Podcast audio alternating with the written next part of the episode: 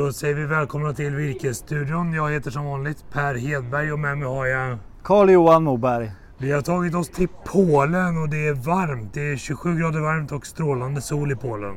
Ja men det är det, man får leta sig in i skuggan. Vi befinner oss på en stor skogsindustrimässa där det både finns, eh, ja men just nu står vi vid en timmerbil eh, som är konstruerad för eh, långtimmer, alltså helstam. Men det finns även sågverk, truckar men även mindre då snickerimaskiner eller som man säger även spån spånskiverobotar, egentligen enheter då, de ställer ut här. Och sen samtidigt då så står vi hos den, svensk, eller hos den polska skogsindustrin och deras organisation hos dem och träffar eh, eh, producenter då som är intresserade av att köpa rundvirke från Sverige till sin industri. Man kan väl säga att i Polen, vi var ju på en konferens igår också där vi var med och presenterade att det finns lite annan industristruktur i Polen med lite mer nischade möbelproducenter, mycket skivproducenter. Ikea kan man förmoda är en viktig kund till många av de här företagen. Ja men det känns lite så när man, när man ser de här produkterna som trillar ut från maskinen att det är ju trots allt mycket det som vi kanske köper. Eller andra tillverkare också kring just eh, hus, husprodukter, eller husgeråd. Och i Polen har ju kriget ställt till det grann. Här har ju Ryssland varit en viktig försörjningskedja av virke. Så att det är brist på virke i Polen och samtidigt är det en omställning bort från fossila energikällor till förnyelsebara. Så att man letar med ljus och lykta efter biomassa men det är också massaved. Massaved av sämre kvalitet till lastpallar och liknande produkter men också sågtimmer. Ja det är det och sågtimret är ju både vad man säger barrträslagen men även då ek, eh, ask, björk och så för att ha För det är klart mycket har ju kommit från från, ja, kanske från Österrike, Vitryssland, kanske Ukraina också. Så det, det finns ju inte de flödena längre. Vi träffade en ukrainsk representant för den ukrainska såg eller skogsindustrin kan man väl säga igår. Och det är fascinerande att där, man kämpar på efter bästa förmåga och industrin rullar på. Man avverkar som vanligt någonstans nästan 4 miljoner kubik per år. Och det är som industrin rullar på. Men produkterna hittar lite andra vägar och man kanske inte skeppar det över Svarta havet. Utan det går snarare på lastbil kanske till Turkiet och så vidare. Ja men så är det ju. Det är klart att vadå, vi, vi, vi, vi i media har vi ju läst om spannmålsexporten, att det är stora problem med det. Dels att de inte kommer ut med båtar men även då att järnvägsrälsen inte har samma Ja, de är ju inte likadana helt enkelt så de måste göra en omlastning där. Och det är klart att spannmål är ju viktigare än trävaror för vi måste se till att man får mat. Men det är också så att nu måste man hitta nya sätt så, så det är ju eh, ett, ett, stort jobb för dem att få till för att kunna exportera. För att få in pengar då för att egentligen kunna dels driva landet vidare då men sen även då i kriget självklart. Nej, men så är det, I Polen så förfasas man lite grann i industrin just nu över en svag konjunktur, stigande virkespriser och man är, man är inte nöjd med att man har Europas högsta virkespriser. På samma sätt som vi inte är nöjda med att vi har Europas lägsta virkespriser i Sverige. Och här finns ju en uppenbar matchningsproblematik på marknaden som vi kanske kan vara med och bidra till att förbättra. Ja, nej men det är det ju. Så får man inte glömma att Polen ligger väldigt nära Sverige egentligen. Det är ju inte långt sjövägen och inte flygvägen heller för den delen så att ta och transportera. Vi har ju stort utbyte med Polen genom handel, men vi är med stort utbyte vad gäller Ja, traditionellt sett så har vi mycket byggarbetare i Sverige som kommer från Polen och även skogsvårdsarbetare som kommer till, till Sverige och jobbar. Ska vi säga någonting om prisutvecklingen så har ju liksom priset då på virke i Polen varit ganska stabil, lite, lite, lite uppåtgående kanske senaste månaden. Vi ser också den här nedgången i Baltikum som vi såg för några månader sedan.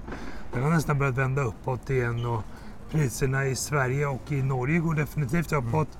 Medan det sätter sig lite grann i Tyskland och Österrike. Så lite blandad prisbild och prisutveckling. Ja men det tror jag och det är ju en osäkerhet i hela, hela marknaden i alla egentligen segment vad man är och pratar om.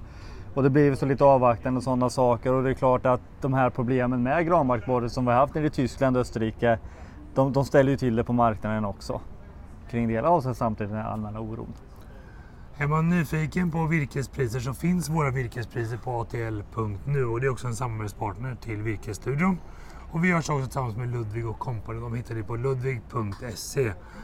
Vi har fått eh, svinpest i Sverige. Kan du berätta någonting mer om ja, det? Jag ska nog inte gå in och prata mer om det här för jag är varken eh, veterinärkunnig eller djurkunnig. Men däremot har vi kopplat upp oss med, med de verksamhet i området. Så vi går över dit och ser hur de agerar i det hela.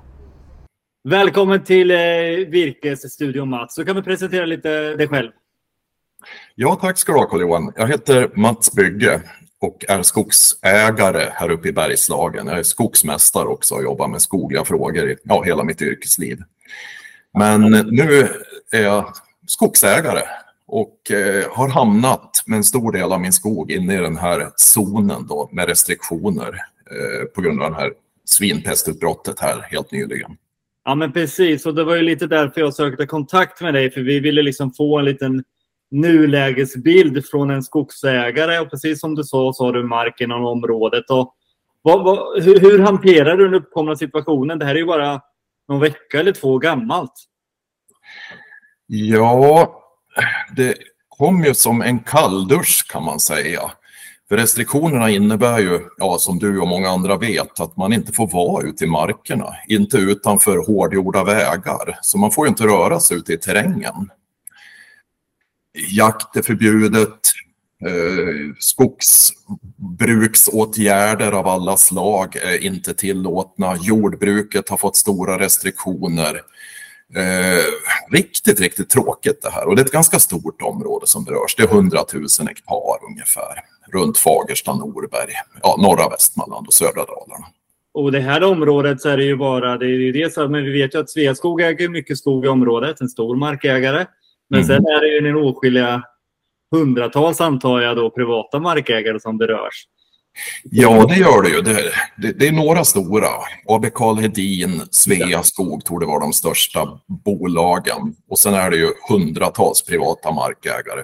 Och sen ska vi komma ihåg att det bor ju över 20 000 vanliga människor här i villor och hus också. Och sen finns det ett massor med fritidshus och det är mycket, mycket folk som brukar röra sig ute i markerna, speciellt den här årstiden då, för jakt och bärplockning och svampplockning och rasta hundar och eh, bara vara ute helt enkelt. Och det går ju dåligt just nu då. Med ja, det gör, ja, det gör det. Och jämför man då när vi hade coronapandemin då, när, när man fick vara ute. Och jag tror att det här har skapat en massa goda vanor hos vanliga människorna, om man säger så, var ute i skog och mark. Så att det drabbar ju nu på, på många olika sätt. Ja, för då var ju folk verkligen ute och tog långa promenader och började åka skidor och började cykla och eh, och visst, även om man bor mitt inne i området så som längst så har man ju två mil till zongränsen om man säger så. Så vad, man, vad som händer är väl att man får åka iväg då för att plocka bär och svamp och kunna röra sig ut i mark och terräng sådär. Eh, men det blir, det blir tråkigt här inne i zonen, det måste jag säga. Ja, men det förstår jag. Men är, om man är vad ska man säga, mer fritids, friluftsmänniska, då kan man ju åka iväg. Men du då, som har din skog i det här området. Hur tänker du just nu? För jag antar du har ju du kanske har arbeten igång, men du har även lite planerat inför hösten. Hur, hur agerar du? Ja, det stökade ju till sig ganska rejält. Det skulle bokstavligen komma en skördare dagen efter på ett ställe och dra igång en slutavverkning. Men det lyckades vi avblåsa, då, eller det avblåstes illa kvickt och det var väl lika bra den inte hann dit. För vissa avverkningar pågår ju och stannade omedelbart och virket ligger oskotat på mark nu så vitt jag förstår. Eh, och för egen del, jag har ungefär 500 hektar skog inne i zonen. Men sen, som tur är så har jag 1000 hektar utanför också. En av fastigheterna delas bokstavligen efter en skogsväg. Så jag får hålla till och försöka hänga på mig röjsågen när arbetsgivaren är stor och åka upp dit och röja då, när jag är strax utanför zonen och gå där och röja och jaga där också. Jag är ju jaktintresserad så jaga här hemma går ju inte. Men många, många markägare här inne i zonen har ju all sin mark i zonen och då, då har de ju inte de här möjligheterna. Så jag får röja och jaga i alla fall, men jag får åka iväg några kilometer för att göra det. Ja, men så är det och det är ju bra att kunna ha den här eh, alltså planeringshorisonten i saker och ting och kunna göra omfall. Men jag tänker om man är då en markägare med säg 50 hektar området och kanske lite drabbad av granbarkborren och då ska gå dit nu, då är det ju ett ganska hårt slag också där. Absolut. Det, det, ja, det drar med sig allt möjligt. För egen del tror jag, jag har mest mycket tall i marken och har försökt hålla efter den gamla granen här hemma. Så jag har inga akuta riskbestånd. Men det är ju bara att åka runt lite. Det är många, många, många som har ganska omfattande barkborreangrepp och som skulle behövt hugga granbarkborreskog här. Ja, snarast helt enkelt. Men det blir ju infryst nu tills vidare då. Men det bryr sig inte barkborrarna om, utan vi kommer nog att få se mm, lite mer omfattande barkborrespridning än vad som hade varit nödvändigt här på grund av det som har skett. Ja, precis. De där barkborrarna ser ju inte fastighetsgränser eller eller, eller Nej, de gör ju inte det tyvärr. Och, och likadant röjningsbehov och sånt där. Gallringsbehov, ja. Du, du vet, något år hit eller dit. Om en gallring sker i år eller nästa år, det, det kanske inte är så noga. Speciellt inte om man har kontrakterat på bestämda virkespriser och sånt där. Men det blir mycket här inne i zonen nu som inte blir gjort av skogliga åtgärder, röjningsinsatser och sånt där. Och då kanske det blir desto mer gjort runt om zonen i alla möjliga väderstreck. För det blir svårt för entreprenörer och skogsvårdsfolk nu att hitta sysselsättning helt enkelt. Ja, det blir det ju alla gånger. Och sen är det klart att det finns, väl, det finns ju en hel del virke som ligger längs bilväg eller, på skot, eller redo för skotning i det här området. Och det är bara tacksamt att, att det kanske är september och snart oktober att virket kan hålla sig fräschare. Det hade varit värre om det var maj, juni. Precis, precis. Och sen det drar ju med sig stora bekymmer för skogsmaskinsentreprenörer. Några stycken har ju redan varit intervjuade i tidningarna som måste ha jobb. För ränta och amortering på maskinlån tickar helt enkelt. Och, och då kanske de hittar jobb utanför zonen. Men det är ju lite bråttom. Och timmerbilschaffisarna, samma sak där. Men nu kanske det måste skot köras mer timmerbil helt enkelt, så de får längre frakter. För inne i zonen finns ju ett par sågverk, bland annat Karbennings sågverk, ägt av AB Karl Hedin som är det största. Och det måste ju fraktas in virke nu utifrån för att försörja sågen helt enkelt. Och det är ganska stora volymer. Ja, det är det. Men, och tittar man på det här området då där vi ser att det är ju som sagt då, stark, mycket starka industrier. Det lyfts ut en hel del virke redan innan. Men, ja. men, men, alltså det jag tror att fångstområdet alltså kommer att behöva bli större då för att kunna hålla igång industrierna. Eh, och då kan ju det påverka pris, prisnivåerna på, på, på, på virke ut, utanför då helt enkelt. Så det är mycket som, som kan påverkas av det här. Ja, vi får hoppas att de här restriktionerna mot skogsbruk i ett så här stort område som det är frågan om nu till en början i alla fall, att de, de kan krympa för det drar med sig mycket effekter. Det blir mycket krångel, mycket virke måste fraktas lite extra och eh, mycket skog blir infruset från åtgärder och hamnar i frysboxen om man säger så. Och nu har de flesta skogsägare en ganska, hoppas jag, en ganska god likviditet. Ha lite pengar på skogskonton, ha lite pengar på rörelsekonton och eh, men det innebär ju också att skogsägare, om det här skulle pågå i ett eller ett par års tid, som det pratas om i allra värsta fall, ja då kan det ju bli svagare likviditet naturligtvis för skogsägare. Speciellt om man har lite lån och lite utgifter, behöver lite pengar ifrån sin, sin skog helt enkelt. Ja men precis, det är ju det och, och det här är ju ingenting som man kan planera över. Eh, på något Nej, det, det, i vanliga fall kan man planera själv som skogsägare, men då kommer det här att dra ner rullgardinen. Liksom. Och, och för all del, det finns de som är värre ute än jag. Jag har ju trots allt två tredjedelar av min skog utanför zonen. Men i gengäld skulle det hittas fler vildsvin. Nu är de väldigt koncentrerade runt soptippen i Fagersta. Som, ja, det är ju där i backarna man har hittat dessa vildsvin. Och fågelvägen dit bort härifrån där jag sitter nu är det två mil ungefär. Mm.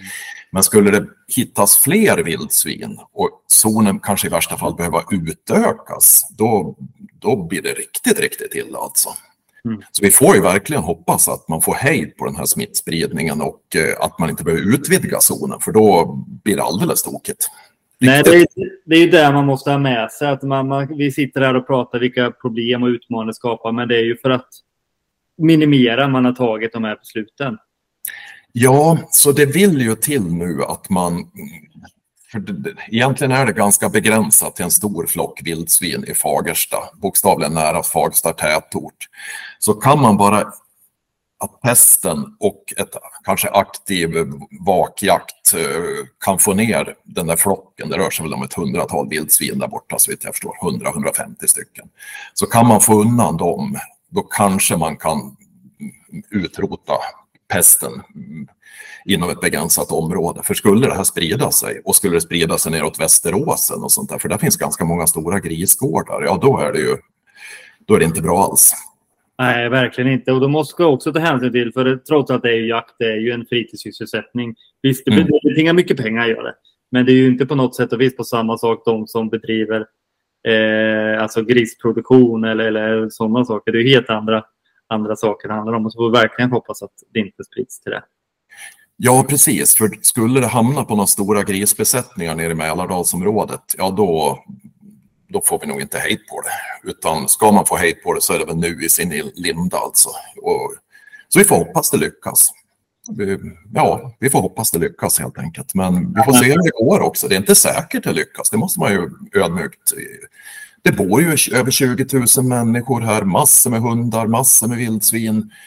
Eh, och det heter att det här om, området skulle vara avspärrat. Det, det, det är ju inte. Det, det, är inte avspärrat på något vis. Här finns inga stängsel, inga poliser, inga gendarmer där man åker in och ut.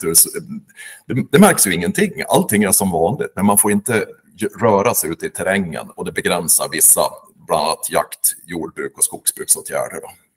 Precis, och sen kommer det väl säkert nu då med, med olika sätt man kan då kan ja, sköta hygienen då så vi förhoppningsvis kan i alla fall hålla igång i produktion i jord och skogsbruk, skogsbruket. Ja, man får hoppas det med hjälp av precis, bara med klok eftertanke helt enkelt och spola av maskiner med varma högtryckstvättar eller hur, det, hur detta nu ska gå till här med jämna mellanrum och med vissa kemikalier inuti också. Viruset är väl väldigt starkt och resistent så vitt jag förstår, men man får väl göra så gott man kan. Det får man göra. Men förutom att eh, ta, till, ta de här gamla slitna uttrycket håll i, håll ut. Har du någonting att skicka med till skogsägarna i området de ska, eller skogsöverlag nu i den här situationen? Nej, det är så färskt alltihopa så alltså, jag har inte kunnat ta in riktigt alla intryck och vad det här får för effekter. Och till exempel, vem kommer att betala kalaset? Blir det, blir det entreprenörer, skogsägare, jordbrukare själva eller kan det gå på någon form av försäkring? De här ekonomiska frågorna och om staten kommer att kanske rent av ersätta vissa branscher för det omak som de här påbuden medför, vet ej. Det är mycket som är så väldigt, väldigt oklart. Men eh, vad ska man säga? Det, det, gäller väl generellt egentligen att alltid ha en likviditetsbuffert eh, för dåliga tider och allt möjligt. Men här gick det ju bokstavligen över en natt helt enkelt. Så det här rådet, och det kan vara råd till skogsägare i hela Sverige, se till att alltid ha en likviditetsbuffert alltså. Lite pengar på skogskonto, någon checkkredit att utnyttja. För här, här bokstavligen blev ju skogsbruk inte tillåtet över en natt. Och då vill det till att man har pengar och har kassaflödet helt enkelt. Så det kanske är mitt råd i sådana fall. Var likvid i alla lägen. Det är väl ett väldigt gott råd, råd oavsett vad heter det, den här svinhästen nu i den, här, i den uppkomna situationen här med, med inflation och ett annat ränteläge där. Men det är jättebra grejer att skicka med tycker jag. Med det vill jag tacka dig Mats att du eh, tog dig tid att vara med här. Vi kanske får återkomma till den här frågan lite längre fram när vi vet vad som har hänt och vi vet ju att landsbygdsministern har varit på besök i alla fall och får se om det händer någonting. Ja, precis så. Det här lär ju pågå ett bra tag framöver. Men som sagt, jag håller verkligen tum tummarna personligen för att det här skogsbruksrestriktionerna minskar om ett par, tre månader. Men det, vi kommer att få leva med det här i de här trakterna ett tag framöver. Den saken står tyvärr rätt så klar. Så med det så vill jag tacka så mycket och sen får jag väl önska lycka till med röjsågen imorgon då kanske då på din andra fastighet. Det kan det bli så. Man tackar för det. Bra det. Jättemycket. Hej hej. Hej Carl-Johan. Hej. Tack så mycket. Som sagt var, håll koll på Arneskog och området här. Håll koll på vad som gäller för att få det här att, så vi blir av med det här eländet. Nej, men så det, här gör väl att det blir kanske ännu större efterfrågan på virke som kommer ut på marknaden också. Så att jag tror vi kommer att se fortsatt höga priser, stigande priser på både sågtimmer och massaved. Men på energisidan så är det ännu bättre drag nästan. Ja, det är det ju. Det är väl klart att många har väl kanske har ju en annan för beredskap än vad man hade förra året och vi har väl kanske inte sett lika mycket om att och läst mycket om att det blir dyra bränslepriser, elpriser och så i Sverige. Men det är klart, det behövs ju. Och blir det kallt och så, så måste vi dra igång. Det var vad vi pratade om här igår. Va? Vid den här tiden förra året så hade vi haft i alla fall två minusnätter norr om Stockholm, eller strax norr om Stockholm. Och det har man ju inte haft än. I, i, det har ju varit 25 grader här i helgen. Så att så fort kylan kommer så kommer det att gå åt ännu mer. Har man biobränsle till att göra affär på det, för det går verkligen att göra det. Det blir en spännande vinter att följa vädret. Just nu är det fortsatt väldigt varmt, åtminstone i Europa. Och håller det i sig så blir det kanske lite mildare energipriser också. Men det blir spännande att följa. Ja men sen är det ju så idag när, om du kollar om elpriset då, det, det är ju väderberoende idag. Mm. Blåser det? Nej men då går det ner, blåser det inte, stiger vattnet och regnar det är ju, det är ju det, elpriset sätts ju idag efter egentligen lite hur vädret är. Nej, men så är det. Och Sen läste jag i tidningen om rekordhöga fjärrvärmepriser. Det kommer också driva efterfrågan på sortiment som kan producera värme Det tror jag, ja, jag tror alla gånger där att för då fjärrvärmeproducenterna ser ju möjligheten nu att de har ju, fått, har ju nu blivit vana att köpa, fått köpa dyrare bränsle än vad de är vana med, så ska jag säga. Och det är klart, då ser ju de till att höja också konsumentprodukten. Det stående tipset till skogsägare är väl konkurrensutsätt, nå ut till alla potentiella köpare och säkerställa en god lönsamhet i ert skogsbruk. Ja men så är det verkligen, nöjer aldrig med första svaret. Bra, med det tycker jag vi tackar för oss och för att tacka från Poznan i Polen. Tack! Tack!